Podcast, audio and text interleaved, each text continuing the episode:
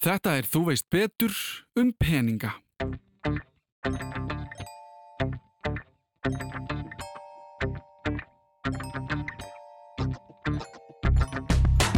Ferða ávísunin var í rauninni peningaprentun á hálfu íslenska ríkisins. En þú getur ekki handstýrt því. Það er það erfiða. En þann dag í dag heitir gjaldmiðl Albaníu LEG sem er gamstöðun á A-LEG Sander.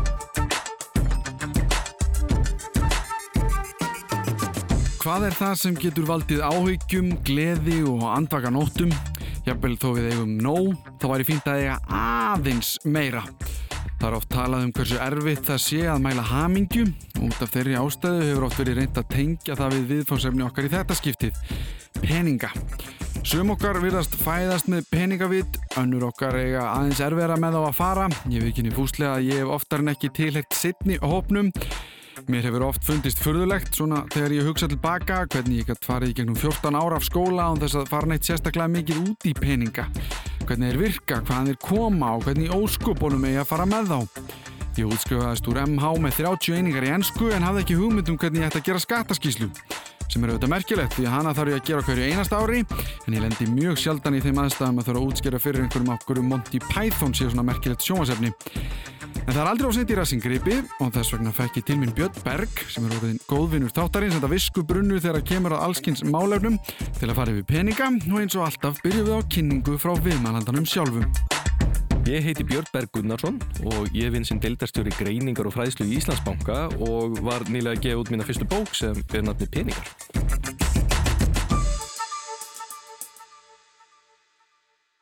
Við byrjum náttúrulega á því að eiga vöru skipti. Þannig að fyrst er það þannig að fólk náttúrulega er bara í sjálfsturtarbúskap, hefur bara í sig og á. Síðan fer þetta að vera þannig að fólk fer að versla við hvert annað. Og þá fer það að versla með því að láta af hendi eitthvað sem það er sjálft búið að búið til að veiða eða sapna eða hvað það er og fá einhver önnur verðmætt á móti og þannig er fólk þá svona bara barter og semja, bara býta. En það sem að gerir síðan svona þegar, þegar þessi viðskipti þurfa að fara aðeins lengra og þú ert kannski ekki alltaf að skipta á einhverjum staðnum heldur vilt láta eitthvað að hendi og svo kannski setna getur þú keiftað einhverjum öðrum þá þarftu að finna eitthvað sem geymir verðmætin á meðan. Þannig að ég sel hérna feldana sem ég var að sapna og, og veiða og einhvern tíma setna kemur til mig að lang, vanti að kaupa verkfæri. Ég ætla ekki að býta á feldinum og verkfærinu strax, ég þarf að fá eitthvað sem geymir verðmætin mm. og fyrstum sinna þá verður þetta þurkar matvörur, þurkur hískrón, þurkar kveitið, matvara sem geymist vel mm -hmm. og heldur þess að verðgildi sínu.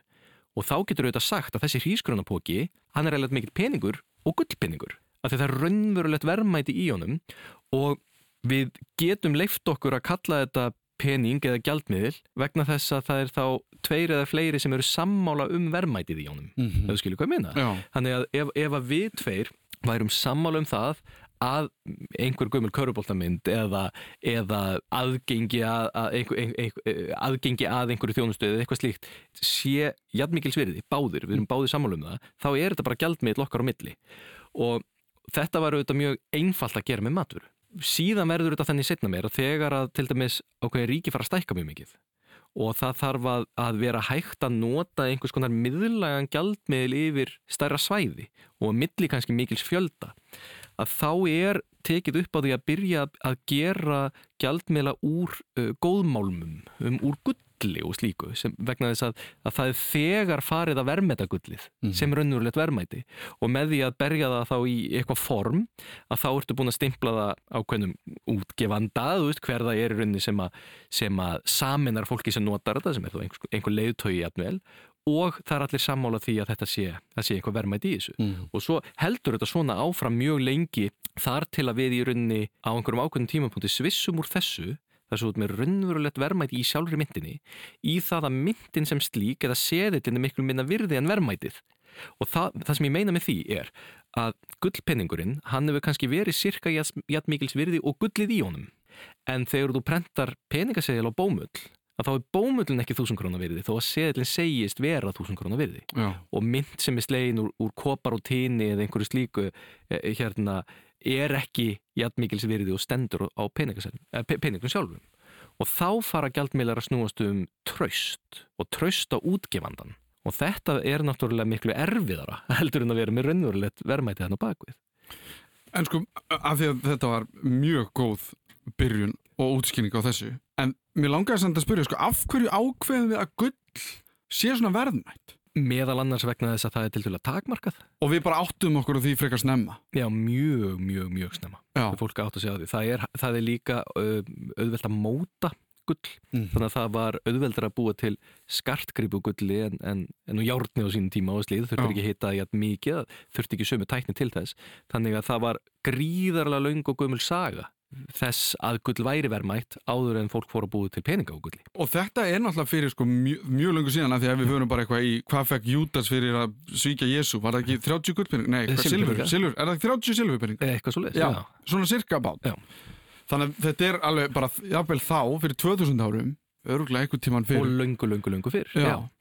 Vitum við eitthvað um, þú veist, hver er, að því einu sinni las ég hana Sapiens bókina og það er aðeins farið yfir bara kannski minni mig hvernig við, einmitt, eiginlega gerum það sem þú varst að tala um, einhvern veginn, förum yfir í peninga og þetta að nota pening en ekki vörur eða eitthvað og það var þetta tröst sem þú nefndir. Já. Einhvern veginn ákvað við bara að við erum bara öll sammála um að þessi hérna seðill eða þessi hérna einhver kopar peningur er þetta mikils virði. Hann bara þýðir þetta. Til að byrja með, þú veist, erum við að tala um bara rómarveldi eða veist, hvað er þetta svona central vald sem ákveður þetta í fyrsta skipti? Vitu við það? Já, Rómaveldi er rosalega gott dæmi um það. Uh, og Rómaveldi eru þetta, það er verið að greiða hermönnum sem eru búsettir kannski mjög langt frá Róm og það eru rómverski peninga fundnir út um alla álfuna og langt yfir í Asíu og til Afríku sem er rómverska peninga þeir byggðu það mjög miklu leiti auðvitað á ekki bara á sko trösti á, á Róm og að, að e, þú gætir keift það sem þú heldur fyrir, fyrir peningin og einhver taki við honum sem er í rauninni mjög mikilvægt. Heldur líka það að, að hvað ætlaður annað að gera sko? Og ég get ímyndað mér að þetta byrja þannig. Þannig að þegar, að, þegar að, að það er verið að, á að fara að borga þér launin og það er að herri, nú erum við hættir að greiða hérna í gullpinningum og við ætlum að fara að borga í þessum kópapinningum en þeir eru alveg að smikils virði, trúið mér. Hérna þú getur keift alveg mikið fyrir þennan pinning þá held ég að fólk hafi ekkert haft neitt marga valkosti, þú hefur kannski ekki geta sagt nei Mm -hmm. Og, og í mörgum tilökum er það þannig og það hefur oft verið þannig í getnum tíðna og er enn þann dag í dag á mörgum stöðum að fólk er að fá borgað í ónýtum gjaldmiðlum. Fólk er að fá borgað á Kúbu eða, og, og í Venezuela og fleiri stöðum í gjaldmiðlum sem eru kannski fullkona verðlusir verða bara að láta sig hafa það. Og þú getur kannski átt eitthvað takmörkuð viðskipti þannig en þú ert aldrei að fara að kaupa netta á internetinu frá útlöndum með því. Nei. þannig að þetta kannski virkar í einhverjum ákveðnum litlum hópi. Það sem að rómverðin eru auðvitað ná að mastera við orðuna þannig er náttúrulega að búið til alþjóðlega mynd. Og alþjóðlega myndir urðu, urðu mjög margar. Það er kannski, við getum að sjálfsögðu talað um það í, í sambandi við Rómaveldi. Alexander Mikli svömmulegis líka Mm -hmm. að, að hann átti þetta var hann með geysilega stort landsvæði þar sem, að, sem var meiri sér til þess sko að, að peningar með andlitnu á honum voru orðin það algengir í nótkunn að enn þann dag í dag heitir gjaldmiðl Albaníu lek sem er skamstöðun á Aleksander mikli, af því að það var mynd af honum Alexander sem var bara kallaði lek og, og enn þann dag í dag heitir myndin í, í Albaníu það Ég veit að ég var þar og notaði Þú lek. varst það? Já. Já, geggjað, þú hefur notað lek Já. Heyrðu, og svo, svo heldur þetta áfram þegar þú þart einhvers konar svona eða stund einhver alþjóðlega viðskipti. Ég minna það verður dúkatar frá, frá, frá Spáni og annar staðar þú veist á, á nýlendutímanum og þetta verður mjög víða. Þe, þegar ákveðin lönd fara til dæmis að verða sjálfstæð eins og bandaríkin, það er mjög áhugavert. Þegar bandaríkin verða sjálfstæð að þá fram að því eru þau búin að vera að eiga viðskipti í þessum, al, þessum, þessum alþjóðlegu gjaldmilum höfðu verið að taka nýlendunar hver og eina höfðu verið að taka lán frá englendingum eða á sínum tíma eða auðvitað í stríðinu og eftir það frá, frá frökkum og, og, og, annar staða frá. Uh, í þeirra myndum en það var talið mjög mikilvægt á þeim tíma að það þyrti að koma upp bandarískun gjaldmili Mm -hmm. bandarískun dollar. Þarna höfðu þurfti að gera þetta miðlægt þegar að hver og einn nýlenda hefði verið bara eins og aðskilin lönd. Bandaríkin voru bara eins og Evrópusambandi fyrir stofnun. Þá er, er mikil umræð um þetta og það er svolítið gaman fyrir okkur að við eigum þetta allt til, það er hægt að lesa sér til um það hvernig langstæsti gjaldmiðl heims í dag, dollar, hvernig það var búin til hvernig rökgrænar voru Hvernig voru þeir? Nú er ég mjög áhuga um það. Já, ég meina þær voru eh, þær voru fyrir það fyrst upp á um, um það hvernig ætti að forma þetta tröst sem væri þarna bakvið. Já. Ef bandaríkjumenn ætlaði að eiga viðskipti við aðra í dollar og ef einhver annar ætlaði að taka við dollarum, þá var hann að vera viss um það að geta nota dollarana að, að þeir mynda minnst okkur halda vergildi sínu. Það var slæm reynsla af þessu fyrir saminningu, bandrækjana, fyrir sjálfstæði vegna þess að sumar nýletunar voru uh, búin að taka gríðarlega mikið lán sem voru ekkert að fara að geta greitt tilbaka.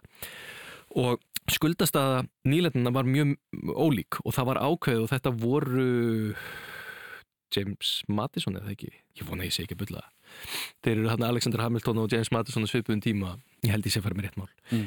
Sem eru þarna uh, hafa sem mest í frammi í þessum raugraðum um hvernig það er að snúa þessu og það er tekið mjög umdeild ákvörðun sem er svo í rauninni að bandaríska ríki skuli taka á sig í rauninni að afskrifa, að setja allar nýlendunar á sama stað, að mm. afskrifa skuldir þeirra sem höfðu farið fram úr sér. Þannig að bandaríkin með þessa nýju mynd myndu byrja með svona reynt blað mm -hmm. í mhm. raunni og síðan er það að vera þannig að hefð ofinbera, eða, eða ekki bara hefð ofinbera heldur sem sagt allræðis allríkis uh, stjórnin þurft að hafa skattlagningarvald. Til, vegna þess að annars þurft þetta að vera þannig og, og þurft að eiga raunurulega ríkisegnir og, og, og helsta ríkisegnir skattlagningarvaldið. Vegna þess að annars hefður ekki geta haft miðlagan gjaldmiðl annars hefði hver og einn nýlenda þurft að gefa út sinn gjaldmiðl að því þegar að þegar við erum að hugsa um þetta tröst þá byggir tröstið ofta á því sko mun viðkomandi land geta borgað verðmæti þessara, þessara segla og auðvildasta leiðin er bara í raunin að skalla ekki borgarna og uh, þetta er það er bara verið að byrja á nullpunkti á þessu öllu sem er mjög áhugavert. Mm -hmm. Það er verið að skoða mótel annars það er í heiminum en í rauninni í fyrsta skipti verið að sameina land svona stór, svona fjölmenn þetta nálat okkur í tíma úr mörgum ólíkum löndum. Mismundu þjóðum í rauninni sem voru nýletunar þannig að mér finnst það mjög áhugaverð sagu hvert þá sem vilja, vilja kynna sér þetta nálgast þetta því eins og ég segi, þetta er allt saman til. Já. en alltaf stendur þetta og fellur með tvennu, það er annars vegar það að það sé einhver upplifin og raunverulegu verðmæti á að baki sem er þá uh, viðkomandi ríkisjóður eða land og, og efnahagur sem liggur að baki myndar. Og hins vegar í rauninni tröstið á því að, að þú munir alltaf geta að losa þig við sælanaðina eða peningiðin að það mun alltaf halda áfram. Hvert er til dæmis verðmæti peningasæla sem eru búin til í, í skemmtigarði? Það, það, það verðmæti er í rauninni bara það að þegar þú kemur í skemmtigarðin munir þú geta skipta fyrir, út fyrir ís og pítsu. Mm -hmm. og þá ertu í rauninni ekki að hugsa um það mun þessi skemmtigarður geta bakka þetta verðmæti út með að borg endur greiða mér í raunverulegum peningum? Nei, þá er það bara notagildið mm -hmm. sem er, er verðmætið. Og þannig er þetta ennþann dag í dag með alla miðla. Þú þarfst að geta trist í að geta skilað inn selinum og fengið raunverulegt verðmæti í staðinn. Og þú þarfst að vera vissum það að, að, að einhver muni vilja taka við þessum peningum á frálsum markaði. Mm. En sko af því þegar ég talaði um íslensku krónuna þá fórum við aðeins út í bæði hvernig við vorum að stopna okkar eigin mynd eða gjaldmiðil og það var eitt sem að hann Gilvi Magnússon nefndi sem var gullfótur Já. og mér fannst það vera skiljanlegt af því að þú ert að tala um sko, þú veist, þú kannski heldur á bara einhverjum, einmitt, einhverjum pappir eða bómul eða einhver í hendinni það, það er bara ekki búin að segja þér þetta er 5.000 krónur Já. og síðan er annar búin að segja að þetta getur keift fyrir 5.000 krónur en framan af að þá var einhver pæling að þú ættir ekki að fara í banka og sagt, hér eru þessi seglar og ég vil fá gullið Já. sem að þessi seglar eru virði þetta líka veist, var þetta bara svona reglan ef þú varst að stopna svona gjaldmiðl þín eigin þjóð eða, eða þín eigin landi og var það allt byggt á þessum gullfæti eða er það bara bandaríkin eða? Nei það er bara mísjant, það er alltaf gangur á því Já. en það hefur einmitt oft verið litið á gullfótin sem svona til dælu aðgengilega leið til þess að búa til þetta tröst Já. þannig að það er raunverulega eins og þú lýsir í sko. það, það er auðvelt að treysta einhverjum sem þú veist að águllið og þú getur þá skiptið svo í gull raunverulega það er auðvelt að treysta hérna, innegnarnótu eða, eða gafakortið einhvers líku ef þú ert vissum það að, að þú munir geta skiptið svo uh, hins vegar að þá, þá er það sem við höfum verið að gera í dag vegna þess að auðvitað hefur reynda á þetta á Íslandi við erum ekki að gullfæti Nei. það sem við læriðum til dæmis að fjármálarunnu til ég vera er það að sko, til þess að verja íslensku krónun okkar þá þurfum við að hafa eitthvað svona haldbært eitthvað raunulegt verðmæti til viðbútar við trösti á íslenskum efnag mm. og við höfum svo sem mun sterkari efnahaga með höfðum, það er að segja miklu, miklu minni skul, ríkiskuldir og, og svona miklu stöndur að land, við höfum skatleikningvar ríkisins, við höfum allar þessar ríkisegnir sem væri hægt að selja, en við höfum líka gríðalega stóran gjaldirisforða mm -hmm. og það kemur þá kannski svolítið í stað, það hef, gæti svo sem alveg verið gull, við gætum alveg og Sælabankin gæti alveg hafa ákveðið það í stað þess að geima fleiri hundruð miljardar króna í, í uh, gjaldiri til þess að verja króna, til þess að hafa þetta í formi gulds í staðin Já, það er ekki sem segir að við hefðum ekki geta gert það en við kusum það að nota þá erlenda gjaldmila vegna þess að það upplifun af, af evru og dólar er, er eins og bara af gulli já, það er gulds ígildi, Já. bókstálega Það er frekar áhugavert að hugsa til þess að allt þetta kerf okkar er byggt á sameinlegu trösti eða trú á sjálft kerfið. Ef við myndum allt í einu öll sömul segjast ekki vera til í þetta lengur myndi allt hrinja. En þá mætti enginn vera súkulaði eða ekki með svo að það er ólíklegt að það myndi eitthvað tíman gerast. Peningar voru í fortíðinni tengdir við eitthvað raunvirði, gull eða álíka svo við hefðum smá tilfinningu fyrir því að það sem við hefðum í höndunum væri einhvers virði. Við getum kift eitthvað fyrir það. En núna þegar að það er ekki raunin, hvernig er þetta ákvarðað? Hvernig virka peningar í dag? Krónutalan sjálf það er að segja þetta að það kostiði 130 krónur að kaupi dólar og allt það. Það í rauninni skiptir einhver máli. Það eru alltaf þá bara einhverja sögur að rástaður á baku því. Já, baki því, hvernig hlutinni byrjuðu og hvað hefur verið gert við myndinar og hvernig það hefur verið tekið núl af og eitthvað svoleiðis. Þannig að það í rauninni skiptir ekki máli. En innbyrðis hreyfingar hlutvarslega hreyfingar, það að dollarin sko kosti fleiri eða færri krónur og eitthvað Mhm. slíkt, það er mjög áhugavert. Og hver ákveður það? Það er bara svona á flestum stöðum ef við tökum frá reyndar mjög stóra spilara eins og bara Kína sem að hafa verið gaggrindi mjög mikið fyrir það að bara handstýra án markaslögumála jóaninu sínu mm. að þá, þá er það þannig með flestar svona myndir sem eru fljótandi og almennu markaði að það er bara lögmál frambóðs og eftirspurna sem stýri verðinu.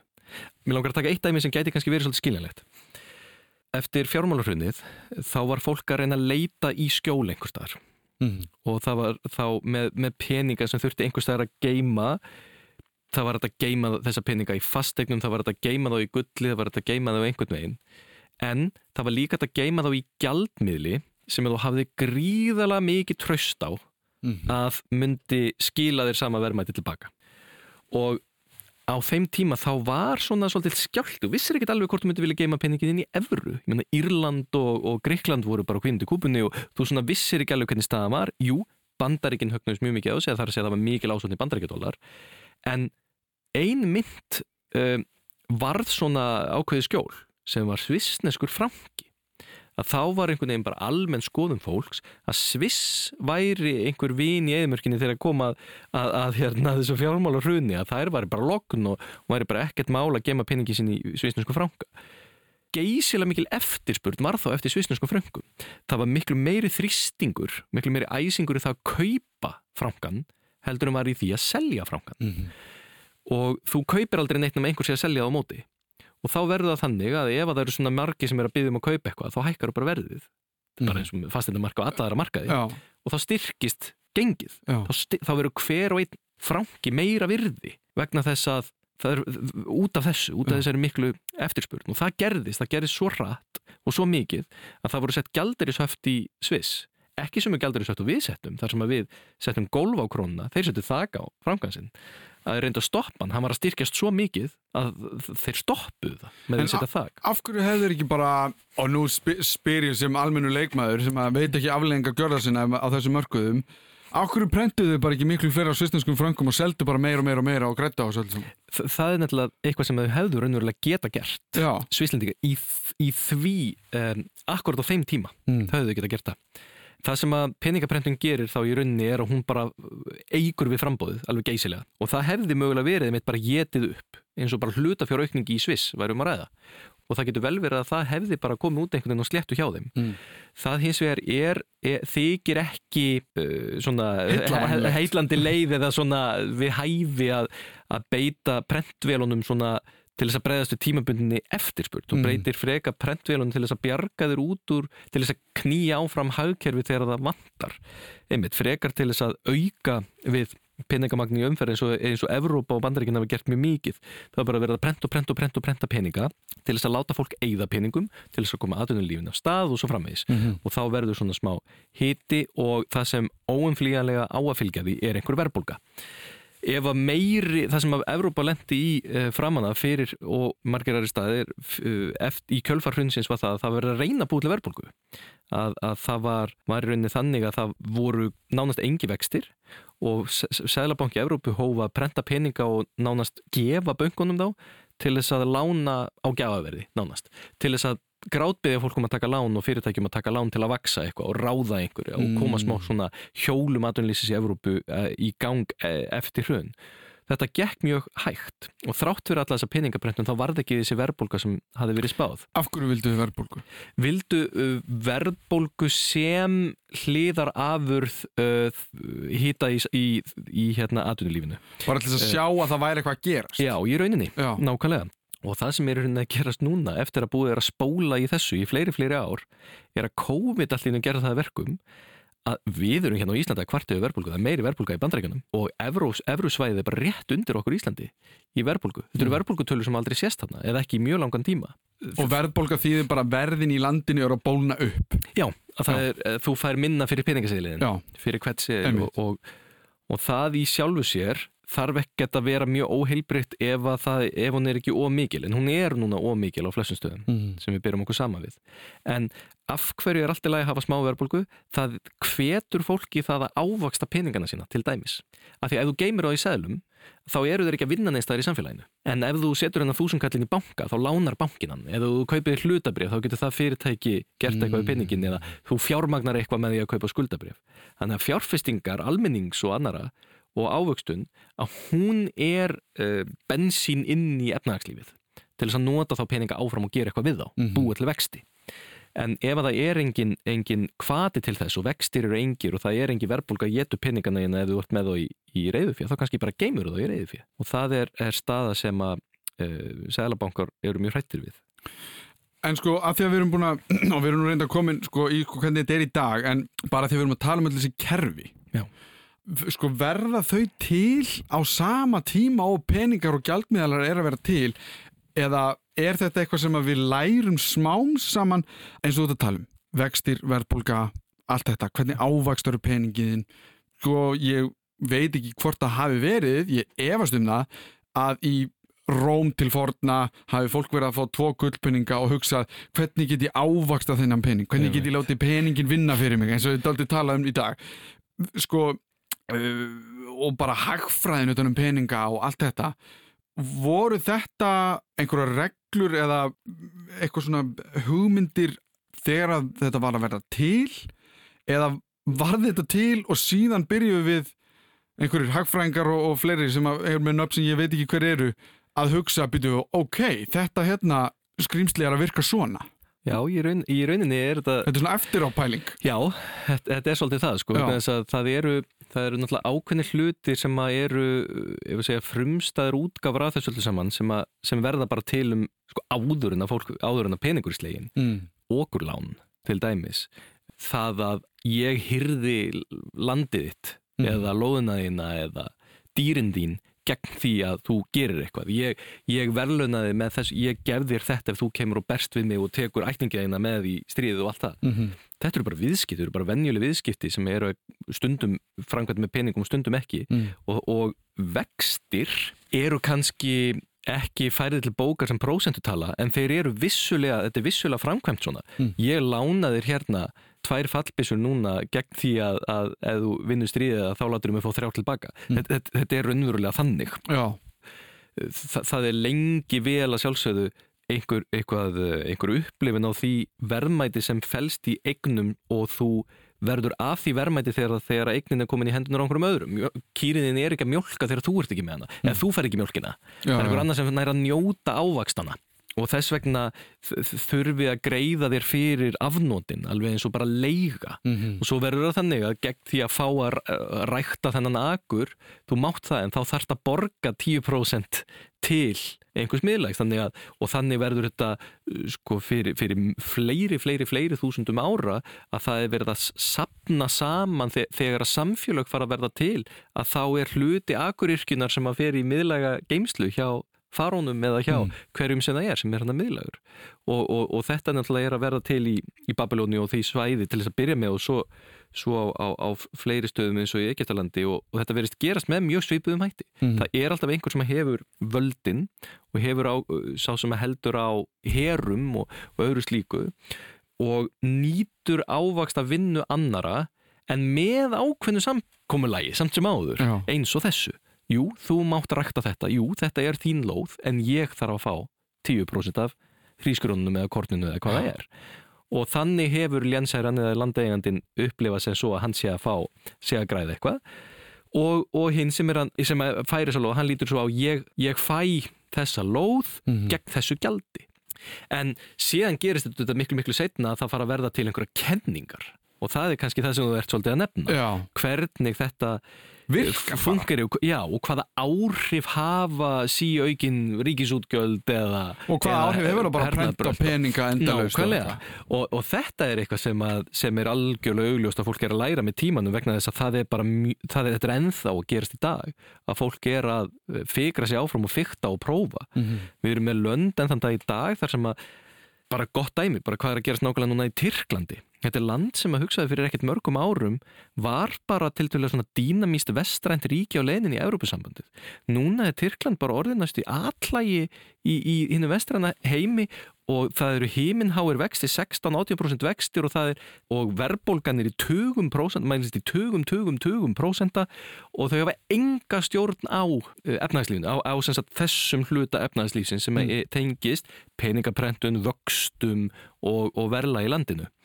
En þann dag í dag eru 2021 80 miljómanna land í Evrópu eins og Tyrkland er. Þau eru ennþá að læra þetta. Og er það, það bara af því að, þú veist, er það bara af því að fólk sem kannit ekki er að taka ákvarðanir? Bæði og, bæði er það þannig að í eðlisínu er þetta ofbúslega erfitt.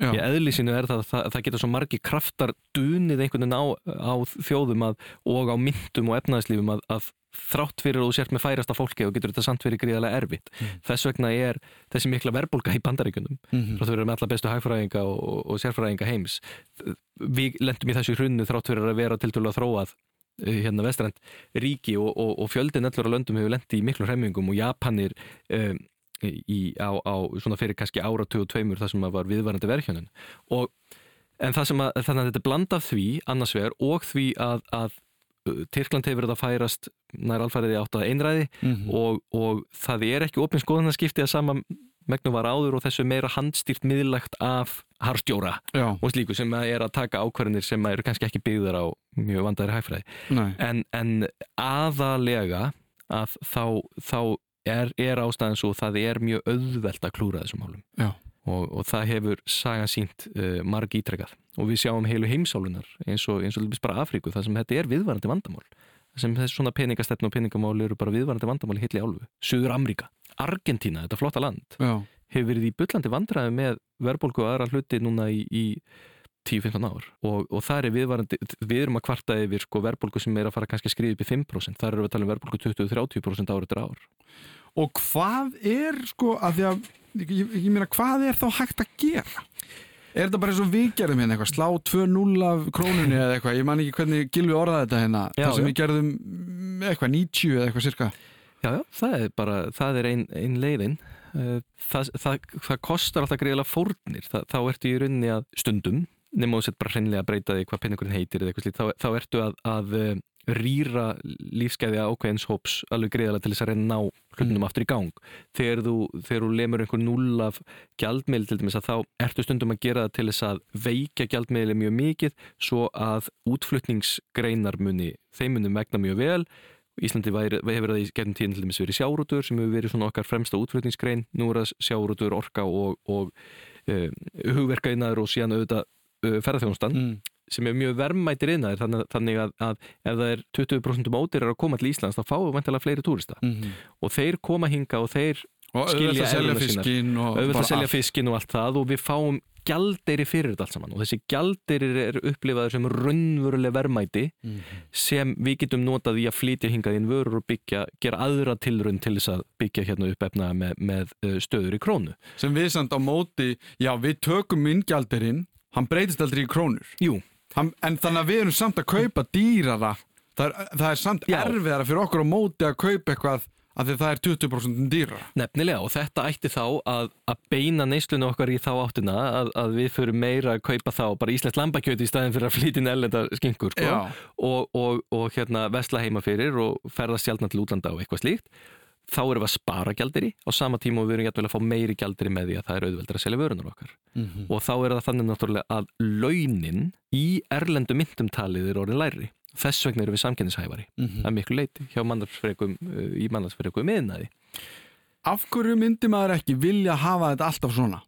alltaf tildulega veika mynd Já. uh, vegna þess að það, það er alltaf verið að reyna að finna ákveðin balans á milli þess að það gangi vel að flytja hingað inn gjaldeyri til þess að styðja við og, og til þess að borga fyrir með raunverulegum eignum en líka til þess að sko tryggja lífsskilir þeirra Íslendinga sem búa hérna Mhm. og, og ég vann einu sinni með manni sem eh, er núna á, á lífeyrisaldri og, og hann fór sem ungu maður til bandarækjana og fyrir þann gjaldeyri sem hann fjekk í bankanu sínum að þá komst hann til bandarækjana þá var peningur í búin sko. og þá þurfti hann bara að fara á næsta dænir og vaska upp til þess að ná sér í pening Eh, þannig var þetta að gjaldeyri var svo skortum skamti og þú gast ekki keift jólugefinir á internetinu fyrir 20 árum eða, eða, eða hérna 30 árum. Þa, það sem er að gerast í þegar viðkomandi mynd styrkist svolítið er að þá getur við leift okkur meira út í heimi Það er bara, það er bara skemmtilegar fyrir okkur sem fólki í landinu að- vera, vera hérna. í raun og veru Já. og launin okkar vega þingri alþjóðlegu samengi Já. og það er alveg hægt og hafa alveg verið dæmi þess að það er að gera hvort tveggja að það er að vera með öflug lönd sem eru samkettnishæf en að sama skapi með sterkar myndir og hálaun í alþjóðlegu samengi Noregur, Sviss, Ísland þetta eru dæmi um það Mhm. Og við erum alveg sannlega á þeim stað núna að þrátt fyrir að, að krónu kannski ölliti veikar hún var fyrir COVID að þá eru laun hérna og, og kaupmáttu launa hérna með í, í, hérna hæsta sem gerist nokkuð staðar í heiminum. Mhm. þannig að þetta er alltaf, leik, leikurinn er alltaf gerður upp á þetta. Og er Og þetta það sem er jafnvægi. þetta jafnvegi, en þú getur ekki handstýrt í það er það erfiða. Og þetta, verð, þetta gengur mjög illa með einhverju, með einhverju handstýringu vegna þess að ójafnvegið sem verður til að það brýst fram einhver staðar og þess vegna reynur að hafa þetta á tiltölulega frjálsum markaði. Og svo er þetta hnika til einhverju hínu og þessu. Hnika til þá til dæmis vakstastínu í landinu. Bregðast við og mikill í verðbólgu. Um, leggja Vakstast til í landinu, nennur Já. aðeins að útskýra það? Því það er líka það sem ég hef heyrt og sérstaklega varandi lán og, og eitthvað svona sko. Já, þú, ert að hnika, því þú ert að handstýra einhverju. Já. ég meina svo við sjáum hjá Sæðlabanka Íslands og ég meina, hann var að gera eitthvað um daginn sem vinið mínu voru brjálæri yfir og ég náði ekki að setja mig algjörlega inn í já, ok, náði ekki, nefndi ekki, við getum svona debeta hva, hvort það var. En þá tengdist það lánum skilur, hvað hver er það að fara að hækka, er það að fara að lækka og allt þetta, þannig að þú handstýrir einhverju. Þú handstýrir einhverju, þú reynir að hafa áhrif og þú getur gert það með ýmsum hætti, þú getur handstýrt með afslætti til ellendra kvikmyndagerður í Íslandi. Að þá ertu að reyna að freista þess að fá meiri gjaldir inn í landið og efla íslensku kvikmyndagerð og eitthvað, þú, það er verið að gera þetta út um allt.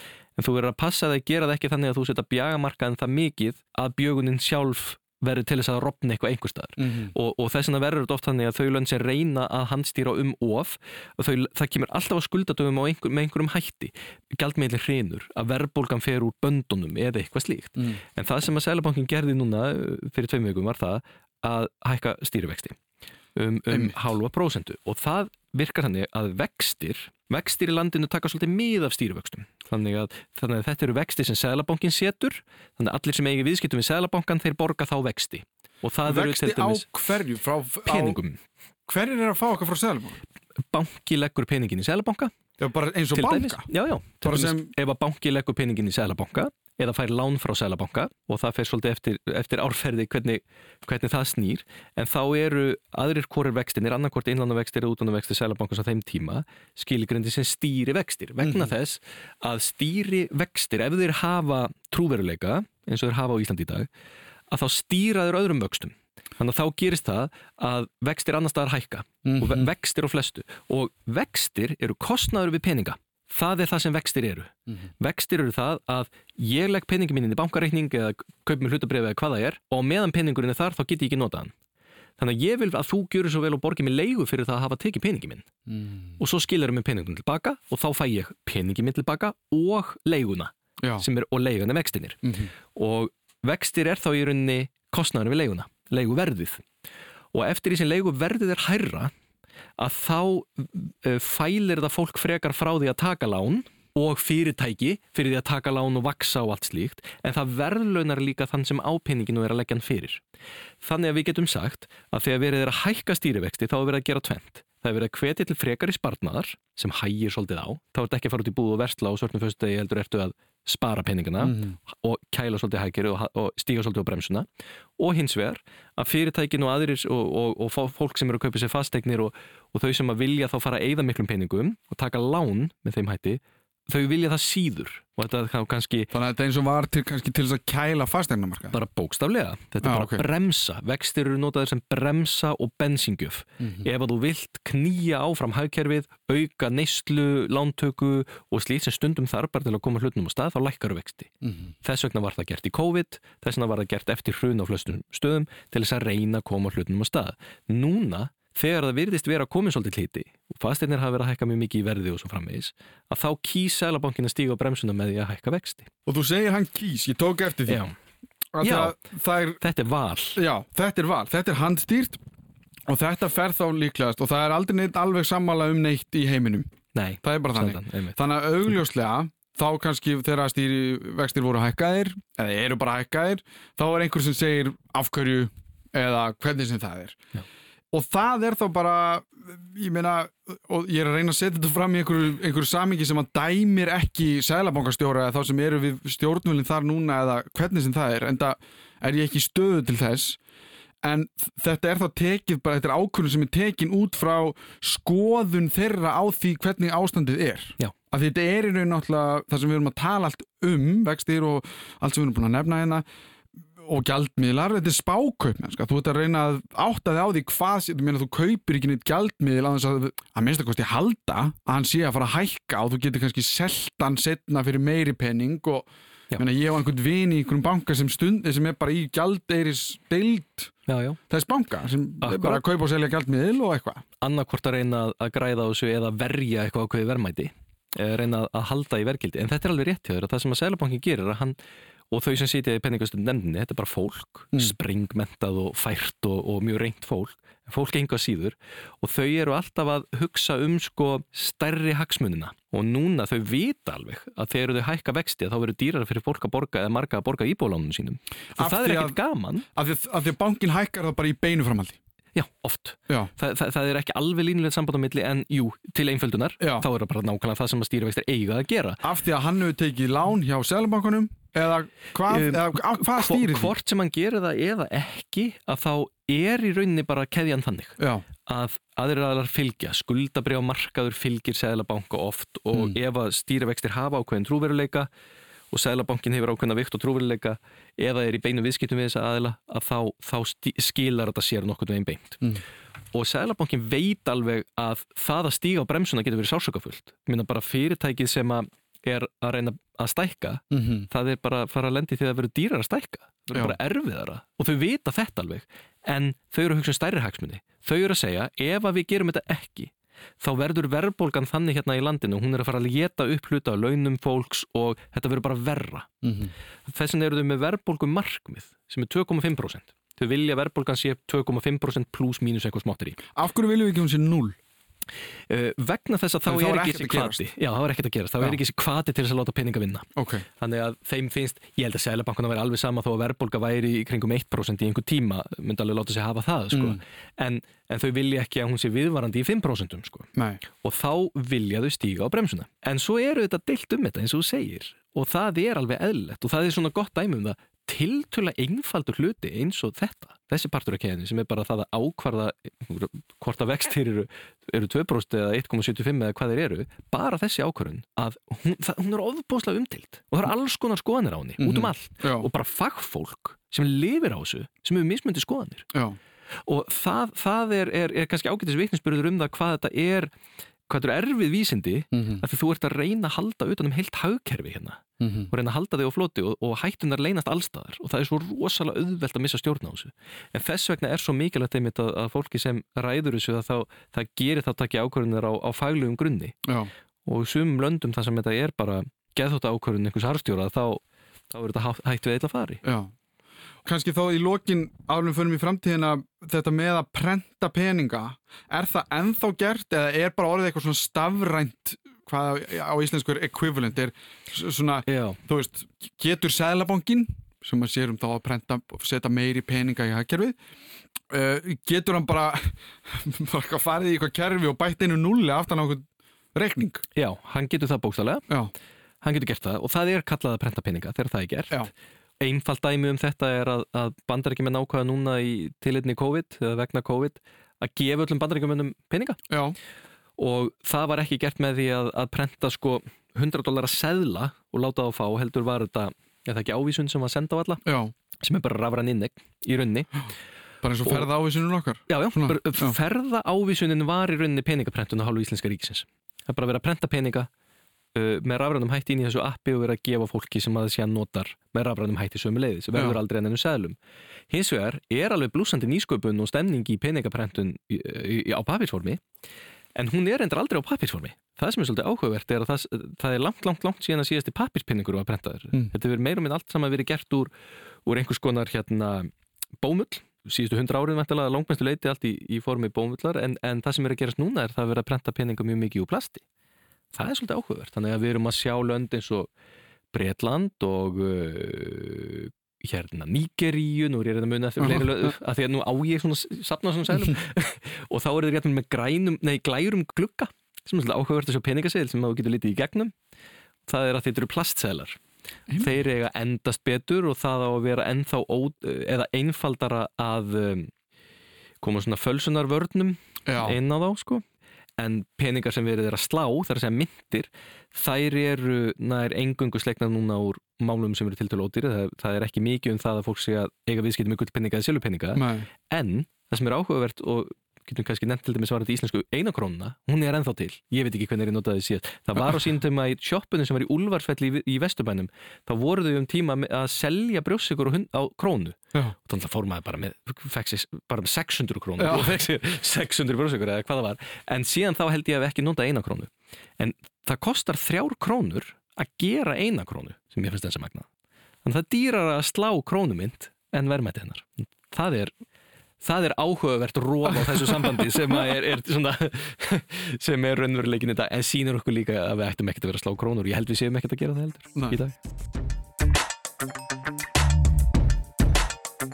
Ég áttaði mig svo sem ekki á því þegar ég byrjaði að hugsa út í að gera þátt um peninga. Þau veit er ekki þetta ræða þá einu og sér.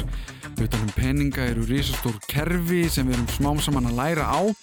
Í byrjun áttuðum við okkur kannski ekkert á því hvernig þetta myndi virka allt saman, hvernig hægt væri að stjórna jafn risastórum hagkerfum og við gerum í dag. En við lærðum oftast á mistökum eða einhverju sem fór ekki alveg eins og við höfum séð fyrir okkur. Það er ekkert algilt í þessu, svo getur eitthvað eins og COVID bara skollið á og þá þarf að spá hvernig sé best að takast á við vandamálum sem koma þá upp. Ég er þó mjög ánæður með að vera loksins komin með á hreint hvaða stýrivextir þýða og þá aðalega hvaða áhrif þeir hafa. Einnig verðbólga. Ég ímyndaði mér alltaf að hún var í alfarið af hennu vonda en engin verðbólga er heldur ekki ákjósanleg. Allt snýst um jafnvægi og á endanum er þetta allt fólk eins og ég og þú þó mun lærðar eigi sem fræðum en við sem tekur ákvarðanir um hvað sé best að gera í stöðunni. En ef við hugsum aðeins til framtíðar, það fyrir meira og meira fyrir svo kallum rafmyndum, rafrænum gjaldmilum sem er oft erfitt að skilja, svo ég spurði að því hvort þeir væri einfallega í tísku.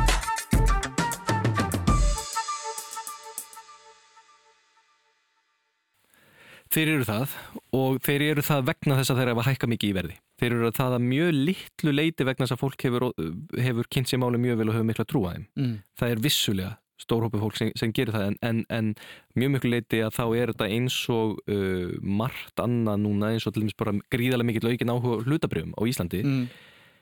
ég vildi óska þess að hann væri tilkomin vegna aukina fjármálulæsi hann er bara tilkomin út af græðki og vegna þess að hlutabrjöf hafa hækkað í verði Já. Og allir hugsa bara, herðu, ég, ég þarf bara að vera partur af þessu. Já, þetta er bara svona tíska.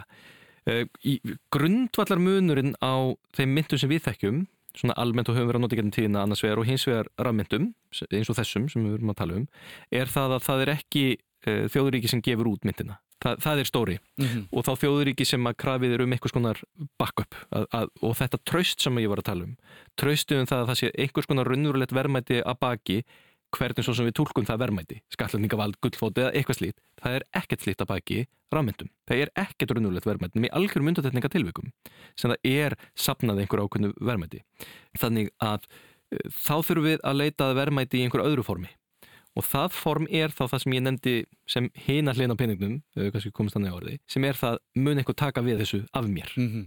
Þannig að ég er með mitt bitcoin eða hvað það er ég er tilbúin að halda því og geima það vegna þess að ég held að ég muni geta skipti yfir í dollar eða keift mér pítsu fyrir það að minnst okkur fyrir samaverð eða vonandi og það er alveg sannarlega mjög góð raukstunningur fyrir það megi kalla eitthvað gjaldmiðl Að þú getur bara sannarlega. borgað eitthvað fyrir eitthvað, fyrir Að- eitthvað með þessu Já, Já. að þú getur borgað fyrir eitthvað með þessum pening. Hins vegar er, er eitt af því sem hefur líka einkent þetta frá upphafi eru fullkomlega galnar sveiflur. Ég, þegar ég leita á verðið á Bitcoin í dag, þegar við erum að taka þetta upp, að þá hefði Bitcoin mynd sem að er meiri sé að það, það er, er hérna, ja, við ættum ekki eins og tala um landið svo El Salvador, en, en það eru það er fullt af fólki sem tekur mjög mikið marka á þessu. Bitcoin hefði lækkað 9% á einum degi. Ef gjaldmiðl lands fellur um 9% á einum degi, þá myndi það væntalega þýða að það sé bara að fara að slökka ljósin í því landi, sko. Þá erum við bara að tala um Venezuela og einhvers lík lönd. En þetta hefur verið normið frekar en undantekningin á þessum rafmyndum að sveiflunar hafi verið það miklar að það er engin fyrirsjáanleiki í verðinu. Og það sem það gerir er að það bjagar fullkomlega verðskinn fólks í þeirri mynd eða í þeim gjaldmiðli. Þannig að þú vilt ekki fá launin þín borguð í rafmynd eða þú eru ekki hugmyndum get, í hvað þú getur nota þau laun og hvað þau kaupa. Mhm. Þetta er eitthvað sem að hugsanlega verður leist á einhverjum tímapunkti. Að sveiflur mingi og það verður meiri fyrirsjáanleiki í þessu.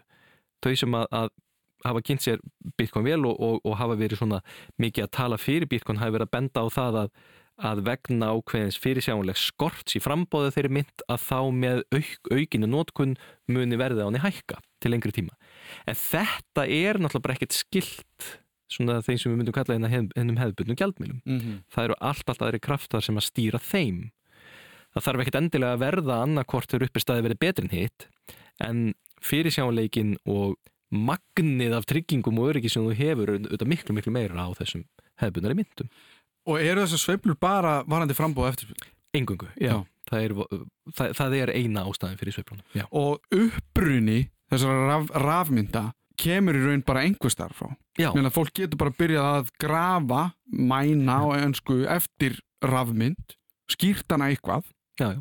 og byrjað að selja hana. Já, já, þú getur bara útvært með hverjum þeim hætti sem þér dettur í hug. Já, þú getur búið til allar myndinar í einu og, og deilt þeim síðan bara fólk og svo gengur þetta kaupum og sölum og kemur í ljós hvort þetta verið meira virðið eða ekki Mhm. bara eins og skór sem eru búinir til og allt inni verið að hækka á eftirmarkaði já, sem er mjög áhugaveru markaður í dag já, já. bara með íþróttaskó og eitthvað slíkt Eh, en, en það er alveg rétt það sem að er líka ekki mjög tröstveikjandi er auðvitað það að það er ekki alveg vita hver það er sem að er upphásmaður ákveðina mynda og, og hvort að einhver hafi þá aðgengi að því að hafa áhrif á þær og uh, þetta er svona í rauninum á upphafið svolítið rekja til tækninar sem liggur á baki þannig að, að tæknin sem liggur á baki til dæmis hjá Bitcoin er svo kvöldu blockchain tækni Mhm. sem er svona uppgjörstækni varandi fjármálun, bara mjög, mjög heillandi og, og spennandi og sniðug og svo er rafmynd sem hendar þeirri uppgjörstækni byggð ofan á Mhm.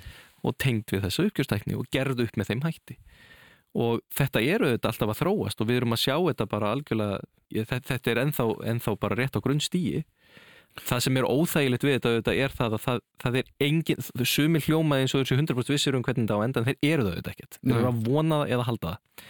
En það er ekki, það er engin leið að vita hvernig þetta mun þróast í í framtíðinu, ekki frekar en það er að spá um gengi þessara gjaldmiðlar hreinlega á morgun. Og ef að það er til einhver rafmynd og það er enginn sem tekur við henni hvernig myndar hún tengsl við, segjum að ég eigi bara ég veit ekki, 5 bitcoin sem er held ég ógeðslega mikið. Já, gríðilega Eh, pinningur já, en það er það sem ég skil ekki sko. hvernig og það er einhver sem Það vil eru 35 miljónir eða eitthvað? Já, ok og ég á 5 bitcoin, segjum það, ég er heppin ég kom inn alveg bara til að byrja með og fekk fullt af þessu keifti fullt af þessu þegar enginn held að þetta myndi ganga upp. Og ég á 5 núna og einhvern veginn er þetta komið í eitthvað samingi við dólar það er einhver sem er tilbúin til að borga mér alvöru penning Já. sem ég get kannski bara séð á borði Já. fyrir þetta bitcoin hvernig verður til þetta samband þú þarft að geta keift eitthvað, einhverja alvöru vöru fyrir þessar rafmyndir til þess að þetta samband myndist eða hvað, eða er bara einhver sem ákveður það Eh, Þú þarft ekki, ég held að rafmynd þurfi ekki að veita þið beint aðgengi millilega löst að vörum. mm. Ég held að það sé alveg í góðu lagi að þú þurfir alltaf að skipta myndinni yfir í verðmæti til þess að geta keift eitthvað annað. Mm. Það er fullt svona til, ég meina þú getur ekki farið með listaverk út í krónuna og keiftir í matinn. Þú ert að skipta listaverkinu í krónur og fara svo í krónuna og kaupa þér matinn. En sem komið er að þá hafa svona væntingar og lofórðum það að það væri hægt að nota rafmyndir í daglegri neyslu, Mm. hafa ekki ræst. mm.